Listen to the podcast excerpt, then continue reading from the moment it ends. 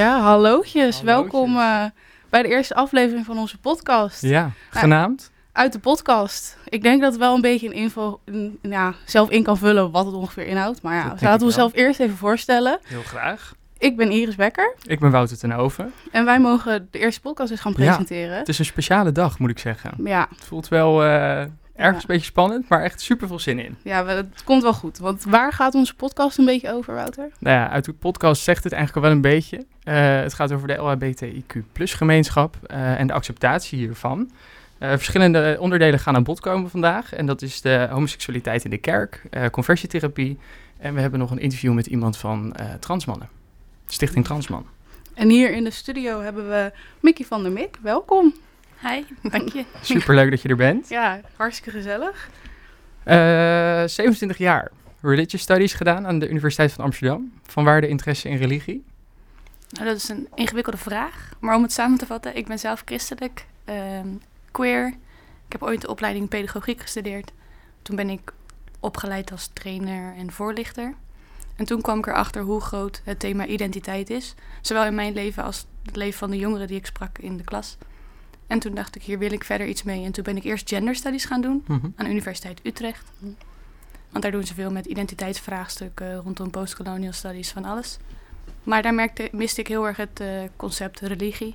Als er over religie gesproken werd, was het eh, ofwel negatief of het was er niet. Oh ja. En toen ben ik eh religiewetenschappen daaraan bij gaan doen eigenlijk. Aan de Ja. Vrije Universiteit Amsterdam. Want je bent christelijk opgevoed ook. Zeker, ja.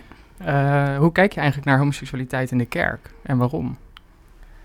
Ja, ik vind het een moeilijke vraag. ehm, omdat er bestaat niet zoiets als één christendom, Nee. denk ik. Er zijn zoveel verschillende stromingen dat je niet kan zeggen... nou, christelijke kerk of Nederlandse kerk. kijkt Welke stromingen zijn er dan? Nou ja, als je ze grofweg verdeelt, heb je een soort van drie stromingen. Dus dan heb je, ik noem ze de kaft tot kaft gelovers. Ja. Dat zijn eh, de mensen die geloven dat wat er in de heilige geschriften staat, dat dat precies zo geschreven en geïnterpreteerd moet worden. Ehm, en die geloven eigenlijk ook dat er een, een of de waarheid is. Daar is nog wel eens verschil over. Mhm. En dit is ook wel vaak de groep helaas die tegen homoseksualiteit is. Ja. En dan heb je nog de ja, cherrypickers, noem ik ze. Eh, dat doet eigenlijk iedereen. Eh, iedereen wil graag de heilige geschriften, of dat nou een bijbel is of een Ja. ander heilige geschrift, interpreteren op de manier die hun het beste uitkomt. Ja. Ehm, maar als het gaat om homoseksualiteit of het concept zonde, dan is er een soort van een gradaties in zonde. Ik noem ze ook wel zonde en zontjes. Mhm. En homoseksualiteit is dan echt Een grote zonde. ja. En wat is dan een kleine zonde? eh. Kunnen we daar een voorbeeld Een eh, leuk voorbeeld. voor verzinnen? Ja, weet je, snoepjes, eh, Oh, snoepjes stelen. stelen. Maar bijvoorbeeld in de Bijbel staat ook dat je niet twee kle- ehm, kledingstukken van twee verschillende stoffen mag dragen. Ja. Oh. Maar ja, Wie houdt zich daar aan? Ja, precies. Dus ja, eh, kijken we zondes en zontjes, dan Ja. valt de categorie dat je niet twee stoffen mag dragen door elkaar. eh. Ja. Ja. En wat was de derde? En eh, de laatste is, eh, dat zijn de contextlezers. Dus Ja. die lezen de Bijbel in een cultuurhistorische context. En dus dan nemen ze de tijd mee waarin het geschreven is. Ehm, en er is vaak meer ruimte voor verschillende interpretaties. Dus je hebt queer theologie, feministische theologie, bevrijdingstheologie. En die kijken juist naar, als ze de Bijbel lezen, hoe je de gemag- gemarginaliseerde groep Mhm. mensen hierin mee kan nemen. En hoe wordt dat, hoe wordt dat gedaan dan? Hoe kan ik dat voor me zien? Ja, ehm, er zijn. ehm, ja, hoe, ja, dat is een moeilijke vraag. Want dat kan op heel veel verschillende manieren. Dus ehm, eh, queer theologie kijkt naar waar bijvoorbeeld ruimte is voor genderdiversiteit in Mhm. de Bijbel. Ehm, en dat kan binnen een heel specifiek Bijbeltekst. dat kan over de context zijn waarin het geschreven is. Ehm, ja, en bevrijdingstheologie kijkt juist naar waar is de ruimte voor, voor de, de gemargina- gemarginaliseerde groep. Dus zwarte mensen zijn heel Mhm. lang onderdrukt geweest, ook door uit bijbelse perspectieven. Ja. En nu wordt het eigenlijk omgedraaid. Dus hoe kan je weer ruimte maken, juist ook voor het perspectief van de zwarte mens bijvoorbeeld. Ja. Ja, want jij, jij bent zelf eduqueer gestart. Zou je daar misschien iets wat over vertellen? Want je gaat dan langs of... Ja, ehm, ik ben Eduqueer gestart samen met Jetske Christel Venema. Die noem ik mijn professionele vriend. Iemand heeft ons zo bestempeld. Ik vind dat een hele leuke titel. Ja. En eh Jetske heeft ook gender studies gestudeerd. Is eh, ook non-binair, net als ik. En merkte dat er ja, vraag is naar kennis, met name bij docenten, sociaal werkers, mensen in de communicatiewereld, die niet zo goed weten hoe ze met alles LHBTQIA om moeten gaan. En wij Mhm. dachten, wij kunnen dit. Ehm, en we zijn het eigenlijk gestart omdat we geloven dat als mensen op de juiste momenten de juiste kennis en middelen krijgen, dat zowel levensveranderend als levensreddend kan zijn. Ja. En doen jullie dat bijvoorbeeld alleen op christelijke scholen? Of doen jullie dat op eh, eigenlijk alle scholen? Eigenlijk alle scholen waar we welkom zijn. Ik moet eerlijk bekennen, de christelijke scholen zijn over het algemeen iets ingewikkelder om binnen te komen. Ja. Ehm, maar daar wordt, is wel een beweging in gaande en ehm, daar zijn we naartoe aan het werken. Maar eigenlijk alles van, ja, van middelbare school tot mbo, soms staan we op hbo's te spreken. ehm, en met name trainen we nu de docenten. Dus Ja. Om te kijken hoe- of, eh, om te leren hoe zij ermee om kunnen gaan. ja, En er voor leerlingen kunnen zijn. Ja, ze Ja. vooral meer kennis eigenlijk nodig om te kunnen, de juiste reacties te kunnen geven en deze jongeren weer verder te helpen. Want docenten kunnen daar een hele grote rol in spelen natuurlijk. Ja, heb je hier een voorbeeld van hoe docenten hier bijvoorbeeld iemand mee kunnen begeleiden? Of?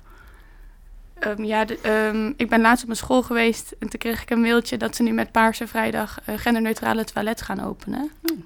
Nou, dat kan al heel veel ruimte zorgen, want net zoals mensen zoals ik, ik sta elke dag voor een toilet en denk, waar ga ik naartoe? Welke deur moet ik nemen? Ja. Ja, want als ik naar, hoe vaak ik naar de vrouwentoilet ga en daar mijn handen sta te wassen, dat iemand binnenkomt en denkt dat hij de verkeerde toilet in Hm. gaat, terugloopt om te kijken op het bordje of ze wel in de juiste toilet zijn en dan toch weer binnenkomen. En tegelijkertijd hoe onveilig het voor mij kan zijn om naar een mannentoilet te gaan. Ja. En er is vaak geen andere optie. Dus dat kan een heel groot verschil maken. Maar ook als je weet wat het is, kan je makkelijker op een gepaste manier reageren. Mensen willen vaak heel veel vragen stellen en willen al wat een en ander weten. Maar als je als jongere bezig bent met je seksuele identiteit of je genderidentiteit en dat uitzoeken, is dat zo ontzettend. En welke Ehm. vragen krijg je vaak? Wat zijn de meest voorkomende vragen voor je? Eh, veel vragen over gender. Mhm. Het concept seksualiteit is nu wel helder. Meer mensen weten daarvan. Maar hoe Ja. werkt gender en wat betekent dan als iemand non-binair is? En ik leg eigenlijk dat vooral het belangrijkste is, denk ik, als een jongere al naar je toe komt met een gendervraagstuk, dan zijn ze hier vaak al heel erg lang mee bezig. Ja. Ze komen echt niet zomaar even. Hallootjes, ik Ja. denk dat dit eh, is waar ik de afgelopen tijd mee bezig ben geweest. Dus dat ze dat vooral heel serieus moeten nemen en dat je dan echt naast zo'n jongere moet staan en dat Ja. je zelf je onderzoek moet doen. Dus je gaat Ja, niet al je vragen aan deze jongeren vragen. Nee. Nou ja, we hebben het net al een beetje over gehad. eh, over homoseksualiteit in de kerk. Eh, onze collega Robin Verdam is eh, in gesprek gegaan met Henk van der Bos. Dat is een, een, gereformeerde jongen. Ehm, en die is uit de kast gekomen in dat gezin. En die heeft eigenlijk ook zijn geloof losgelaten. Dus gaan we even naar luisteren. Ik ben momenteel onderweg naar Henk van den Bos. Ik heb met hem afgesproken in Hartje Utrecht om te praten over zijn persoonlijke verhaal. We maken een korte wandeling door de stad en praten over zijn coming out binnen een streng gereformeerde gemeenschap en waarom hij tegenwoordig niet meer gelovig is. Want hoe is het om uit je gemeenschap te stappen waarin je geboren bent vanwege onder andere je seksualiteit? Ik denk dat ik ongeveer 10, 11 was. Dan ontdek je gewoon je seksualiteit. En toen kwam ik er ongeveer achter van, oh, vrouwen is niet helemaal mijn doelgroep. Ik heb het wel heel lang proberen te ontkennen of proberen te denken, nou, dit is vast iets wat overgaat. En ik pas 16 was toen ik echt dacht van, oh nee, dit gaat niet meer over, dit is wie ik ben. En ik was pas 18 toen ik uit de kast kwam. Ik heb het dus op zondag verteld toen ik met mijn vader aan het afwassen was na het eten. En toen dacht ik, nu moet ik het zeggen. Dus toen heb ik het gezegd en ik vond het echt heel eng. Ik stond helemaal te trillen. Mijn vader die begon toen gelijk te huilen. Die schrok er echt heel erg van. Begon ook wel gelijk te vertellen hoe hij erin stond, zeg maar. Dat het niet helemaal de bedoeling is van het geloof. Dat ik ondanks dat toch zijn kind was. Mijn vader heeft het daarna ook verteld aan mijn moeder. En pas een week later heb ik het verteld samen met mijn vader en moeder aan al mijn broers en zussen. En accepteerden ze dit meteen? Ligt eraan wat je geaccepteerd noemt. Vader benoemde wel gelijk van je blijft ons kind. En ik weet ook zeker dat mijn ouders heel veel van me houden. Maar ik weet ook daarnaast gelijk zeker dat ze het nooit oké zullen vinden als ik een relatie krijg met een man. Je bent je geloof ook kwijtgeraakt in verloop der tijd. Kan je vertellen hoe dit is gegaan? Ik twijfelde altijd al wel, omdat ik dus mezelf niet tegenkwam in de Bijbel. Omdat homoseksualiteit al heel negatief wordt afgeschilderd in de Bijbel, ga je toch twijfelen van, klopt dit? En hoezo strookt het niet met mijn eigen gevoelens? En waarom werkt dit zo? Toch bleef ik altijd geloven. Toen ik ging studeren kwam ik erachter dat wat in de Bijbel staat helemaal niet strookt met de realiteit. En toen pas dacht ik, oh, maar als de Bijbel niet waar is, is alles waar ik mee ben opgevoed niet waar. En toen was ik het opeens kwijt. Toen dacht ik, ja, nee, dit geloof ik blijkbaar niet meer. We maken hier nu even een wandeling door Utrecht heen. Uh, en we zijn nu ook aangekomen bij een klein kerkje in een zijstraatje van Utrecht. Hier kwam je veel met je studentenvereniging waar je lid van was, toen je nog geloofde. Hoe is het om hier weer te zijn? Ja, ik vind het enorm raar ook wel, omdat ik echt vier jaar al niet meer geweest ben. Dus ik heb ook wel warme gevoelens, maar ook wel, ja, gewoon omdat ik ook wel ongemak voelde hier. En ik voel me nu ook een beetje ongemakkelijk dat ik denk, oh, als er maar niemand toevallig langskomt die ik ken of zoiets. Ja. Ik ben in de zomervakantie, heb ik mijn lidmaatschap opgezegd en toen ben ik nooit meer terug geweest. Omdat ik dus bang was voor de confrontatie en ik ben blijkbaar nog steeds bang voor de confrontatie. En hoe was het dan voor jou om uit zo'n christelijke gemeenschap te stappen vanwege onder andere je seksualiteit?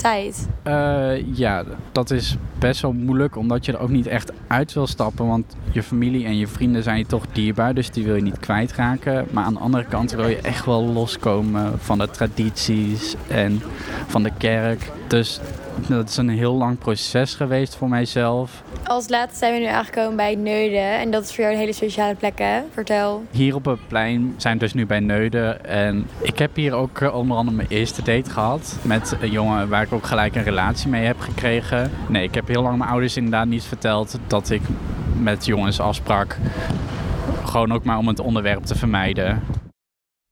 Ja, dit is toch wel een behoorlijk persoonlijk, maar wel mooi verhaal. Ja ja, je, je hoort toch best wel vaker dat nou ja, mensen toch wel het geloof verlaten omdat ze het niet helemaal geaccepteerd voelen. Ja. Kennen jullie misschien ook mensen die ja, het geloof hebben verlaten of zelf dachten van, nou ja, misschien moet ik me toch aanpassen binnen in mijn geloof of buiten de lijnen omdenken? Hoe is dat voor jou, Mickey? Ongelooflijk veel. Ja. Ik ken helaas wel meer verhalen, zoals die van Henk en ook mensen die wel ruimte hebben gevonden, of juist even niet en later weer wel. Er zijn onwijs veel verschillende soorten verhalen. Ehm, en die van mij is gelukkig heel positief geweest. En daarom kan ik hier denk ik hier ook zo zitten en heb ik hier zo mijn onderwerp van gemaakt. Want hoe, was, hoe reageerden jouw ouders? Ja, uh, ik kom uit een, ik kom uit een liberaal protestants nest. Ehm, waar alles eigenlijk mogelijk is. Um, een van mijn beste, mijn vaders beste vriend is homo. Is altijd in mijn leven geweest. Ik weet niet beter. Dat was nooit een ding. Hm, wel fijn. Ja. Dat het gewoon wel gewoon geaccepteerd was. Dat je het in ieder geval met dat niet bezig hoefde te houden. Ja. Nee, en toch heeft het ook wel lang geduurd. Ik ben op 22 uit de kast gekomen als panseksueel. En pas vorig jaar mijn beginneridentiteit echt soort van uit de wereld gekomen als... Ik noem het gender nonchalant. Mhm. Want wat is gender? Ja. Ik vind een perfect woord eigenlijk. Goed gevonden. Het spectrum is vloeiend, zeggen ja. ze toch ook? Ja. ja. Ja. en iemand, een vriend van mij had gender nonchalant bedacht. Toen dacht ik, ja, dat is hoe ik me voel. Ja. En voor het gemak leg ik altijd non-binair, want mensen snappen het dan beter. Ja. Maar het is natuurlijk vele vormen. En, en daar, daar neem ik mijn ouders nog wel echt helemaal in mee. Want dat is nog nieuw, dat is ook wel nieuw voor hun. Ja. Dat moeten zij ook gewoon nog leren. Het is natuurlijk ook gewoon een proces waar, waar eigenlijk iedereen doorheen gaat. Ja, en ik, en ik doe dat zelf natuurlijk op dagelijkse basis. Alleen soms vergeet ik dat mijn omgeving dan nog af en toe meegenomen moet worden. Dus ik probeer dat wat bewuster te doen. Ja, dat is zeker waar. Ja, goed, ik herken het ook wel een beetje. Uh, helemaal het verhaal van Henk. Uh, ik kom zelf ook uit een christelijk gezin. Uh, ben ook opgevoed zo. en op mijn twintigste uit de kast gekomen. Ehm, nou ja, mijn ouders accepteerden het wel. Maar moesten er echt wel even een tijdje aan wennen. En op een gegeven moment, de kerk is dan... Ik heb het geloof echt wel losgelaten. Ik was drie jaar niet meer in de kerk geweest, denk ik. En toen na drie jaar dacht ik, oké, okay, voordat je voordat, nee, nee, ja, ja, ik kwam uit de kast en toen drie jaar, laat maar zeggen, niet meer naar de kerk. Toen was het gewoon echt klaar en daarvoor ook al wel een beetje. Uh, en toen dacht ik op een gegeven moment, je moet je lidmaatschap een keer opzeggen. Jij herkent dat misschien wel. Um, dus dat heb ik toen gedaan. En toen kreeg ik ineens een mailtje of een telefoontje van de dominee dat hij met mij in gesprek wilde gaan daarover. Nou, dat heb ik toen gedaan. Maar ja, uh, op een gegeven moment kreeg ik wel gewoon te horen van, joh, je mag homoseksueel zijn, maar je, je mag er niks mee doen. Ja, en dat ging bij mij wel echt even verkeerd. En eh, toen heb ik hem ook de vraag teruggesteld van... Goh, maar wat als uw zoon eh, thuis komt met een vriend of met een vriend? Wat dan? Ja, dat accepteer ik niet. Ja, het was het gesprek voor mij ook echt vrij snel klaar. Ja, het is ook echt wel heftig dat dat de reactie is die mensen geven, omdat ze daar zo van overtuigd zijn. Ja. En ook Ja. het feit dat jij zo'n gesprek aan moet gaan met zo'n persoon. Ik vond het ergens ook wel weer heel leuk om het te doen. Want Ja? mijn moeder zei ook van, ja, Ja. wa- waarom doe je het? Weet je, als je er niks meer mee hebt, waarom zou je het nog doen? Ja, ik dacht, ik vind het wel leuk eigenlijk. Ik wil dan ook gewoon... ja, je kan Ik wel wil met, met hem zo'n gesprek voeren. Ja. En ook gewoon denken van, maar waarom denk jij hier zo over? Ja, en misschien Want- scheelde het wel, want je had al afstand gecreëerd Ja, natuurlijk. Ja, dat scheelt ook wel een beetje. Want Als je nog midden in zo'n community zit, is dat heel moeilijk. En zoals jij zegt, zo'n lidmaatschap opzeggen, dat is, Is niks. binnen is nou ja, verschillende kerkdominaties zijn daar heel streng in. Ik heb ook vrienden die om andere redenen hun lidmaatschap opzeggen. Mhm. maar daar gewoon vier jaar naartoe werken, omdat dat echt het allergrootste is wat je kan doen. Ja, Ja, hoezo dan? Ik, ik ja je bent er niet, gedoopt eh, waarschijnlijk ook. Je moet je, doop, je doopbewijs en je lidmaatschap opvragen. Ja, je moet Ja. alles opvragen, dan moet je soort van daarna opzeggen. En eigenlijk zeg je daarmee ook je community helemaal gedag. Ja. Alles Ja. wat je ooit hebt gekend, wat je ook hebt meegekregen van je ouders. ja, waar je ook mee op bent gegroeid. Ja, het is ook een Ja. soort van loyaliteitsbreuk in een hele grote stap. Waar sommige mensen jaren over doen. Ja. Ehm, Ja, je zegt toch alles gedag waar je inderdaad Ja. al die jaren... Ja, eigenlijk, je kent dat zo lang al. Dus ja, dat je daar inderdaad gedag tegen zegt, is, lijkt me ook wel moeilijk. eh. Maar ja, kerken zijn natuurlijk ook best wel vaak al een beetje negatief in, in de media geweest. Eh, nou ja, de Nashville-verklaring. ja. Ja, ja. hoe was dat voor jou? Moet ik uitleggen? Ja, misschien wel Ja, handig. ook ik misschien ik, wel weet, handig ik ook. denk niet dat Ja, iedereen nee. weet wat de Nashville-verklaring is. Ja. Ja, Zal ik het ja uitleggen? als je wil. Eh, volgens mij was het 2019. Ehm, Ja. De Nashville-verklaring naar eh, Nederland. Ja. En de Nashville-verklaring komt uit Nashville. 2017. shocker. Ja. Daarom heet het zo. Eh, en die is naar Nederland gekomen en die hebben ze vertaald. En daar gaat het om dat het huwelijk alleen tussen man, één man en één vrouw, ook heel specifiek. Ja. Eh, en dan nog een aantal dingen rondom wel gender en seksualiteit, die vanuit dan theologische basis een zonde zouden zijn. Hè? We hebben het net over zondes gehad, Ja. Daar is die. Ehm, en ik deed de pre-master gender studies rond deze tijd. Ik was net anderhalf jaar uit de kast, dus het was ook nog allemaal Oh ja. zoeken. En dan kom ik in gender studies wereld. Iedereen Ja. is daar alles behalve cisgender hetero ongeveer. Ja. We hebben alles lopen. en toen kwam die verklaring en het ging er echt hard aan toe in de colleges. Maar hoezo? Wat ging er hard aan toe? Nou ja, zij vonden een deel van mijn studiegenoten kon niet ehm, bedenken dat ik onderdeel was of wilde Mhm. zijn van Ja, En- zo'n gemeenschap die dat eigenlijk zegt. Ja, Ja. en ik dacht alleen maar, maar dit is ook niet mijn gemeenschap. Dit is Mhm. niet Nee. de kerk waar ik ben opgegroeid. Nee. Maar toen realiseerde ik me eigenlijk hoe weinig mensen daar ook van weten. Dus dat ook christendom, net zoals dat ik zei, er is eigenlijk geen één christendom. Nee. Maar hoe makkelijk dat op één hoop gegooid werd. Ja. En ik moest me gaan verdedigen in een queer space, Ja. waar mensen ook pijnlijke verhalen voor heb- eh, hebben, omdat ze eh, kwaad aangedaan zijn in naam van eh, eh, christendom. Ja. Moest ik uitleggen dat er eigenlijk meer nuance is. Ja. En dat het dus prima te verenigen valt.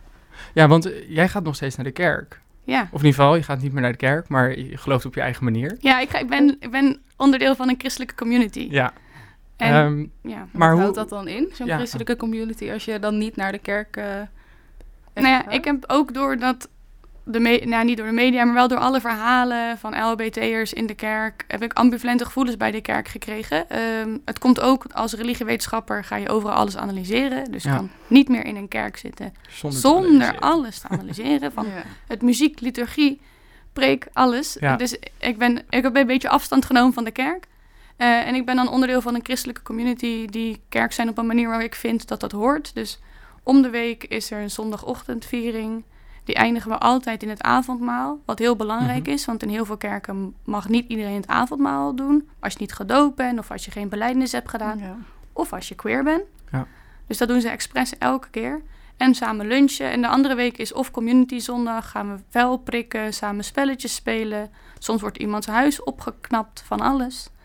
Wat een goed initiatief. Ja. Ja. en de andere week gaan we met koffie en thee eh, in de wijk staan. Mhm.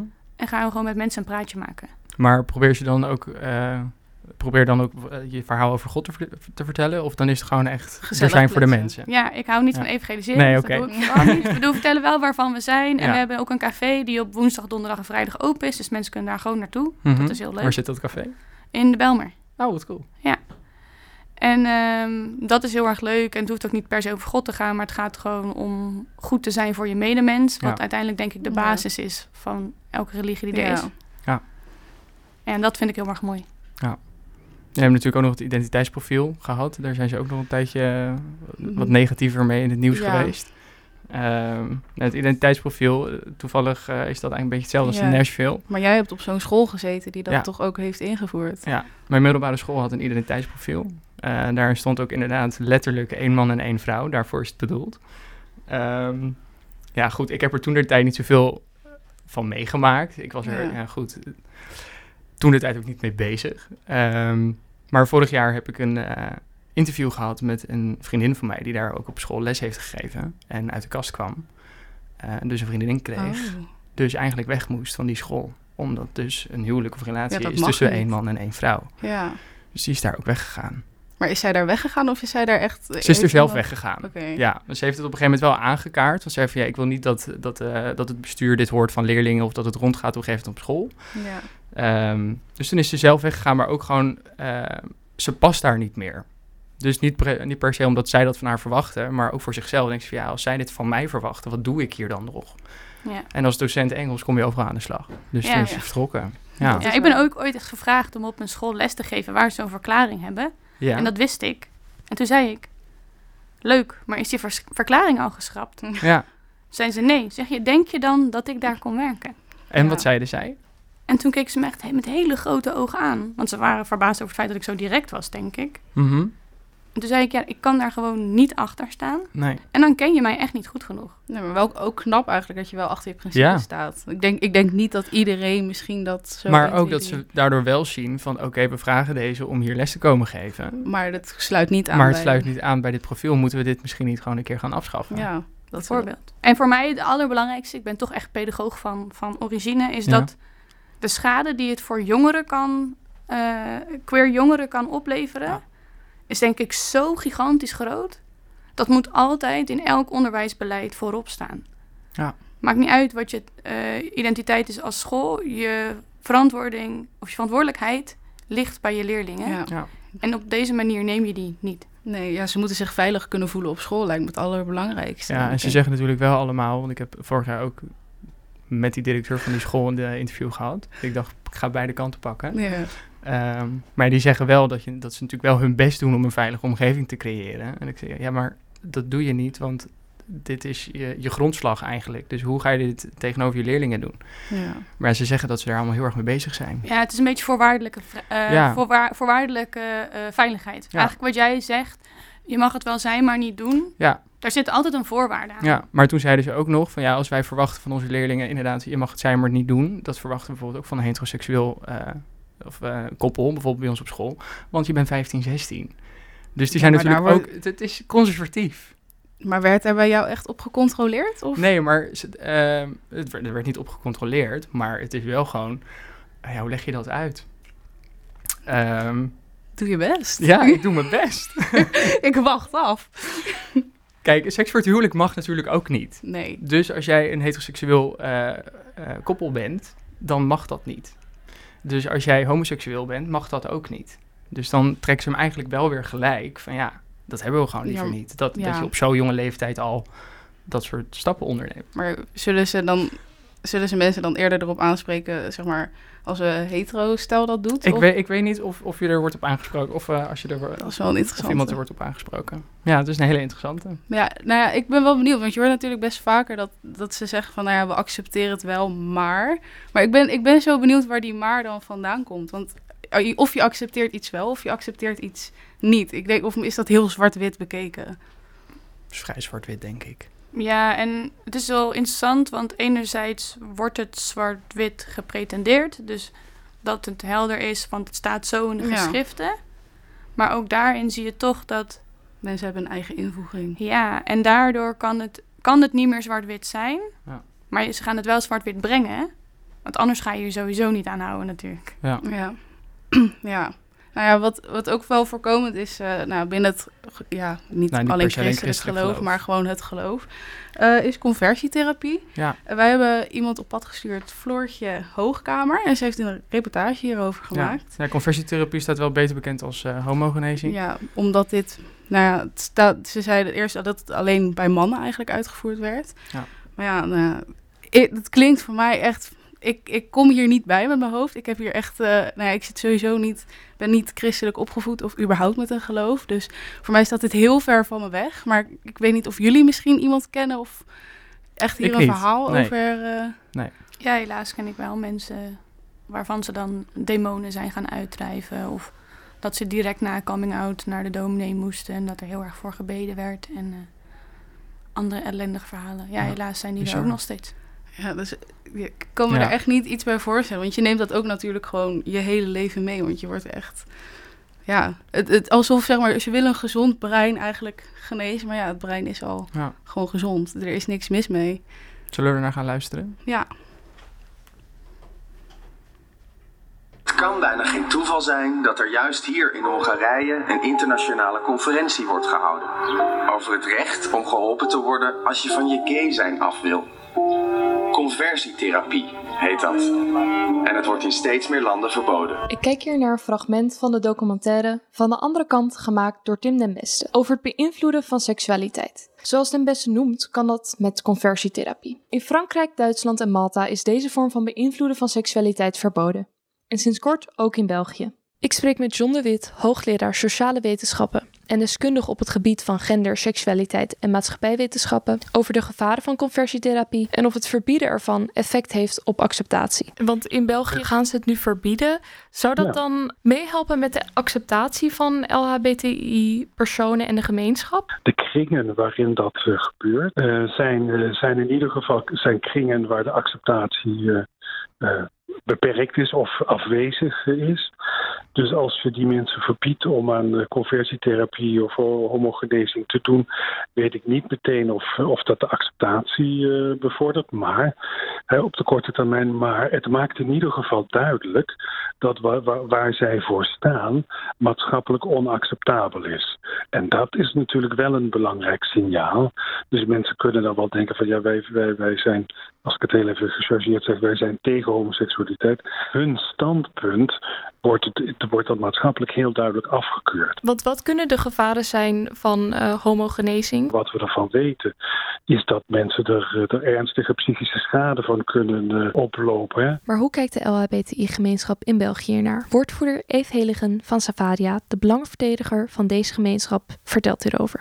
Ja, we hebben het liever over conversiepraktijken waarbij het de bedoeling is om LGBTI plus personen te genezen. Dat trekt het een beetje breder, want het gaat niet alleen maar over eh, mensen die homo zijn, maar ook mensen die bijvoorbeeld lesbisch, bi, transgender, non-binair enzovoort. Alle mensen die niet in een, in een kotje passen en waarvan sommige mensen het gevoel hebben dat ze, dat ze moeten genezen. Gaat zo'n wetsvoorstel zoals nu gedaan is ook werken voor de acceptatie? Het is handig dat dat in nieuws komt en dat mensen zich daar meer bewust van worden en ook mensen die community leren kennen en zien dat dat allemaal niet zo anders is um, en dat we eigenlijk allemaal hetzelfde willen, dat is liefde en ons leven leiden zoals we het zelf willen leiden. Nou, het is heel fijn dat in ons buurland het in ieder geval afgeschaft is. Maar hier in Nederland, wij lopen toch behoorlijk achter. Want de VVD D60 hebben wel een wetsvoorstel ingediend. Ja, afgelopen jaar, februari. Ja, februari. Nou ja, de Tweede Kamer is wel mee, ja, meerderheid, Meerderheid. heeft uh, gestemd, meegestemd. Maar het is aangenomen. Maar ja, wanneer komt het echt ja, ze zeggen een jaar. Ja, het ligt nu bij de Raad van State. Maar ja, Ja. ik vind het behoorlijk lang duren. Ja, Het is toch wel 21ste eeuw en dat dit nog mag. Als je dan inderdaad dat verhaal hoort en dat het, ja, je neemt het echt voor je heel je leven mee. ja, ik vind het ook bizar. Maar goed, weet je, het is wel weer een stap in de juiste richting. Zo moeten we het misschien ook maar weer zien. Ja, En helaas misschien net te laat, maar Alles duurt altijd langer dan dat Ja. we zelf zouden ja dat is zeker Ja. waar. Dat heb ik helaas wel geleerd, maar het is zeker een stap in de goede richting. Nou, ja, wat ook een goede stap is in de juiste richting. eh, de theologenstudenten. Ik zag dat eh, de Theologische Universiteit van Kampen Utrecht heeft morgen een studiedag voor hun studenten. Waarin de volgende eh, thema's worden besproken. En dat zijn hoe vorm je een christelijke visie op homoseksualiteit? Wat is homoseksualiteit? Hoe ga je om met homoseksualiteit in de kerk en samenleving? En hoe volg je God slash Jezus als je homo bent?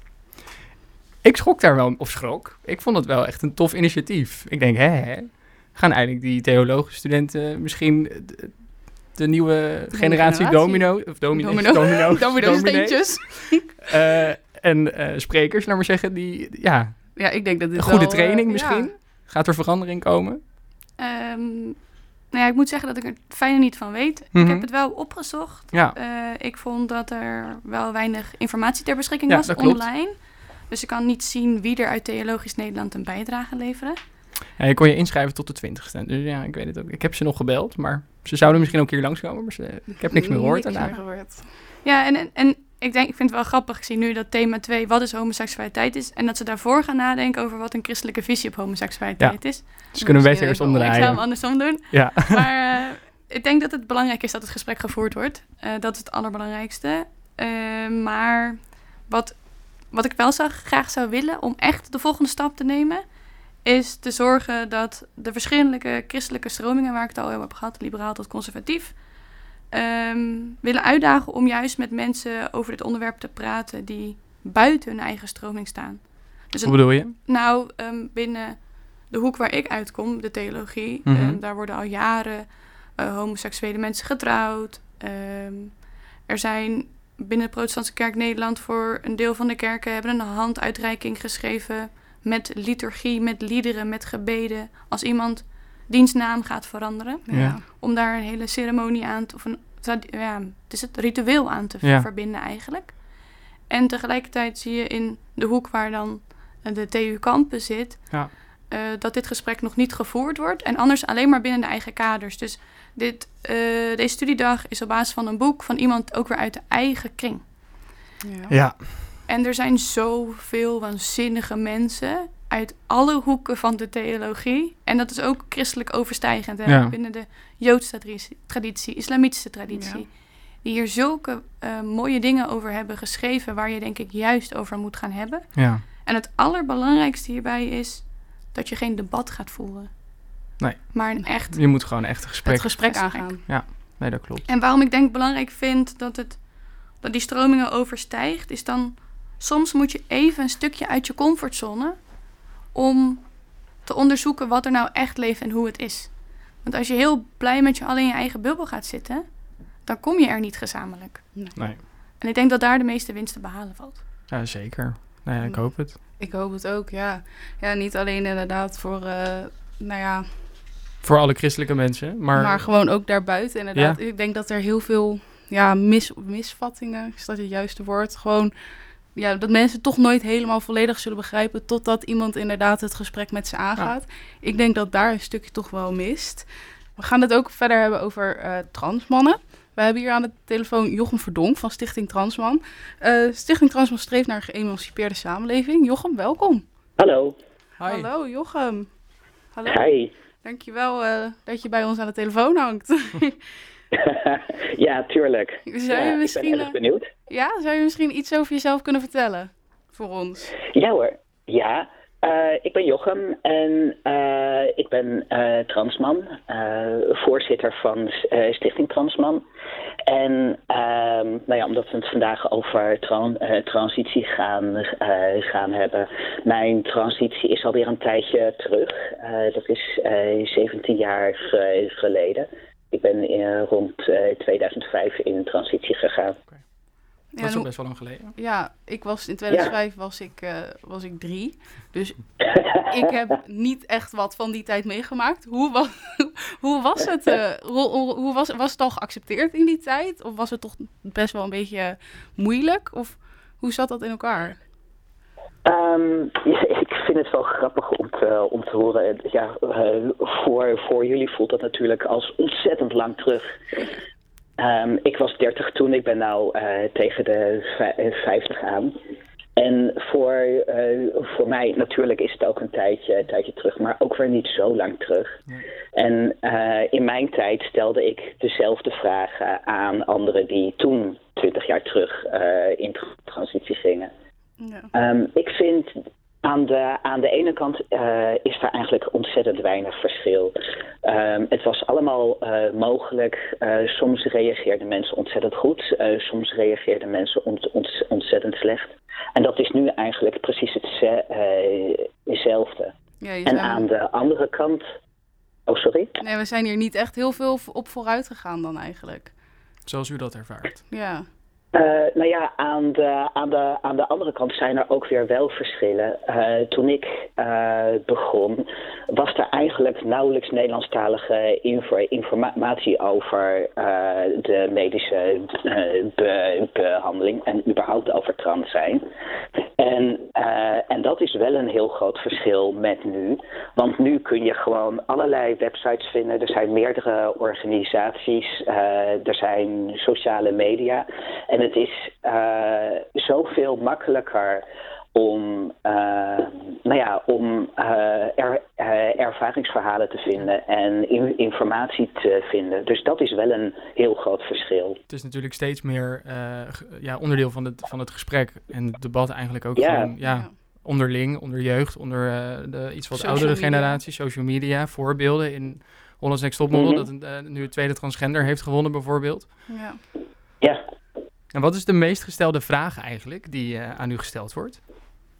Oh, um, um, er zijn twee vragen die ik vaak krijg. Um, als mensen van mijn transachtergrond uh, horen, dan uh, krijg ik of de vraag: hoe, hoe heette je vroeger? Mm -hmm.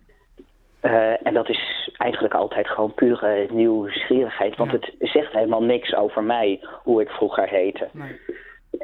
En een uh, andere vraag die ik ook heel veel kreeg: van oh, je tra transitie is klaar, heb je nu, nu ook een penis dan? Ja. ja. En ja, ik vind wat er in mijn onderzoek, in, in mijn onderbroek zit, dat vind ik uh, privé. Ja, maar dat is voor iedereen privé. ja, dat, dat ik vraag ook niet aan mijn buurvrouw, goh, wat heeft u? nee, nee. Ja, niet precies. Nee. nee. nee. Ja. Dat blijft op zich wel heel raar dat dat de eerste vraag is. Nee, we hebben het hiervoor gehad over um, ja, conversietherapie. Bestaat dit ook voor transgenders of is dit weer heel wat anders? Of... Uh, nee, dat bestaat ook nog steeds. Um, vroeger wat meer dan, dan, uh, uh, dan nu. Maar ja, er zijn nog steeds, met name in zwaar religieuze kringen, um, mensen die vinden uh, dat nou ja, je niet aan Gods uh, schepping mag zitten. Ja. En, dat je, uh, en dat je dus geen tra transitie aan mag gaan. En die pro proberen dan met wat inderdaad, nou ja, dat noemen ze dan natuurlijk niet de conversietherapie, maar daar komt het wel op neer. Ja. om dat waanbeeld uit je, uit je hoofd te, te praten. Ja. En uh, op zich snap ik het, want uh, transgenders hebben een gezond lichaam, ze hebben een, een gezonde geest, alleen matchen die twee niet. Dus het zou het makkelijkst zijn als je de geest naar het lichaam zou kunnen, kunnen, kunnen brengen. Ja. En, dan, uh, en als dan je probleem op, opgelost is, ja, dat zou ideaal zijn. Ja. Helaas alleen blijkt uit wetenschappelijk onderzoek dat dat, dat niet succesvol is. Het en probleem blijft. Dat mensen, ja. Ja, precies. Mensen uh, werken dan ontzettend hard, uh, onderdrukken een deel van zichzelf. En uh, er zijn natuurlijk een handjevol mensen bij, bij wie dat werkt, of in ieder geval goed genoeg werkt. Of tijdelijk. Maar of tijdelijk werkt inderdaad, maar bij het overgrote deel van de mensen werkt deze manier niet. En dus is de enige uh, manier die werkelijk helpt, is het lichaam naar de geest toebrengen. Ja. En vandaar dat wij in Nederland en overal ter uh, wereld genderteams hebben die zo'n be behandeling aanbieden. Ja. Want dat werkt wel. Nee, ja, hartstikke fijn. mensen kunnen bij jullie terecht op uh, transman.nl. Toch, neem ik ja, aan? Klopt. Nou, ja, ja. Jochem, hartstikke bedankt voor je tijd. graag, uh, uh, graag gedaan. Fijne dag nog. Fijne dag. Oké, okay, jullie ook. Dit was het dan. Dit was de eerste aflevering ja. vanuit, de podcast. podcast. Mickey. Dankjewel dat je hier aanwezig was. Ja, bedankt voor de uitnodiging. Wat, voor, wat vond je ervan? Ik vond het heel leuk. En ik heb wel nog veel meer te vertellen, maar ja. Nou ja, dat kan. Uh, eventueel misschien 8 december komt aflevering 2 van ons uit de podcast weer online. En dan kan je luisteren naar nog meer onderwerpen die aan bod zullen komen. Dank jullie wel. Dank jullie wel.